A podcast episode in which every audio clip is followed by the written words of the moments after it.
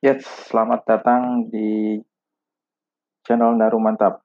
Kali ini kita bahas uh, terkait dengan um, materi lanjutan yang terkait Financial Revolution, yaitu tentang keyakinan.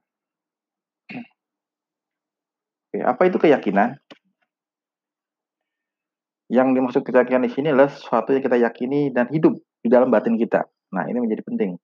Jadi harus hidup dalam batin kita menjadi keyakinan yang mendarah daging dan menjadi sebuah kepercayaan, belief. Seperti halnya kita beragama, karena agama itu kita yakin, yakin pada Allah swt Tuhan kita, pemilik semesta alam, pemilik kehidupan.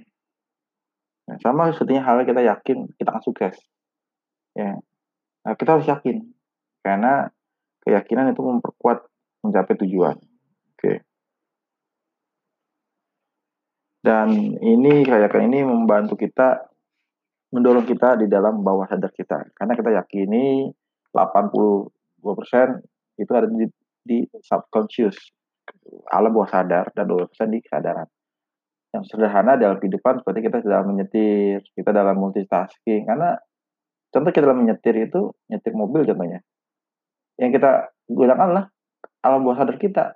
Tiba-tiba kita ngerem, tiba-tiba kita, kita ngepas instingnya, karena kita bawah sadar kita yang mengatur itu semua. Keyakinan seperti itu bisa berwujud adanya aturan atau hukum yang menyatakan sebab akibat. Ya kita yakini sebab akibat. Ya tiba-tiba orang sakit serangan jantung. Apakah dia langsung serangan jantung?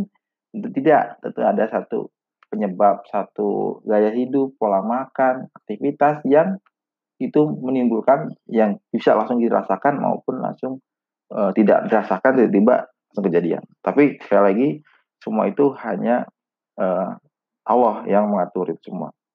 Oke. Oke, kita lanjut. Ya. Misalnya, usulan saya ditolak tiga kali, maka saya tidak usul lagi. Nah, itu salah satu keyakinan yang salah. Kemudian bila saya mau kaya, maka saya harus kerja keras. Ya. Nah, itu berarti sebab akibat. Bila saya kurang tidur, maka saya akan loyo. Nah, berarti ada sebab kalau saya mau banyak berbagi, maka saya harus kaya, ya kan?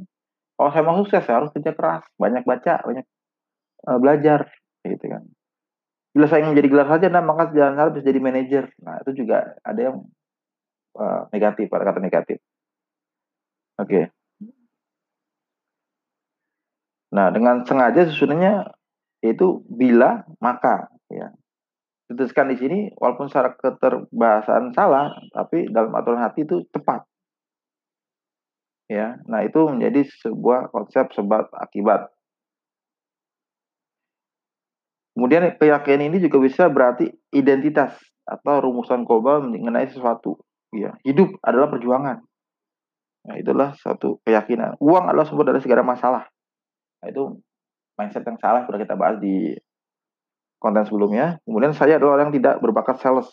Nah, itu bisa membawa ke dalam otak sadar kita ya. Kemudian saya adalah orang yang beruntung. Maka dalam ilmu ya, NLP uh, eh, ada konsep reform.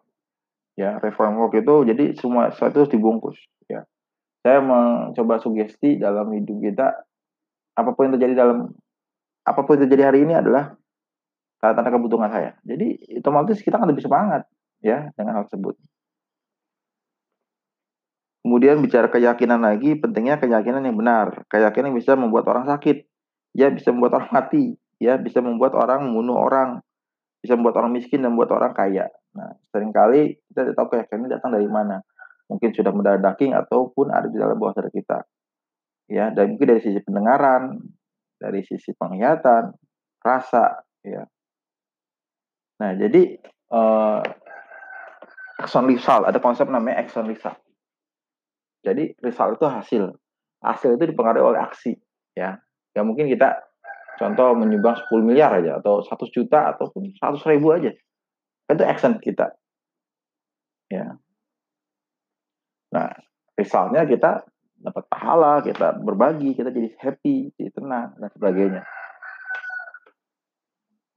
action itu dipengaruhi oleh pikiran. Makanya pikiran itu dipengaruhi oleh satu asupan-asupan informasi, mindset ataupun cara pandang. Ya. kalau habis dengar kajian misalkan, dengar motivasi, sumbang harus banyak, nanti kita akan lebih beruntung. Dan kita yakin, otomatis action kita tuh yang kita buka dompet, otomatis sebanyak-banyaknya, betul nggak?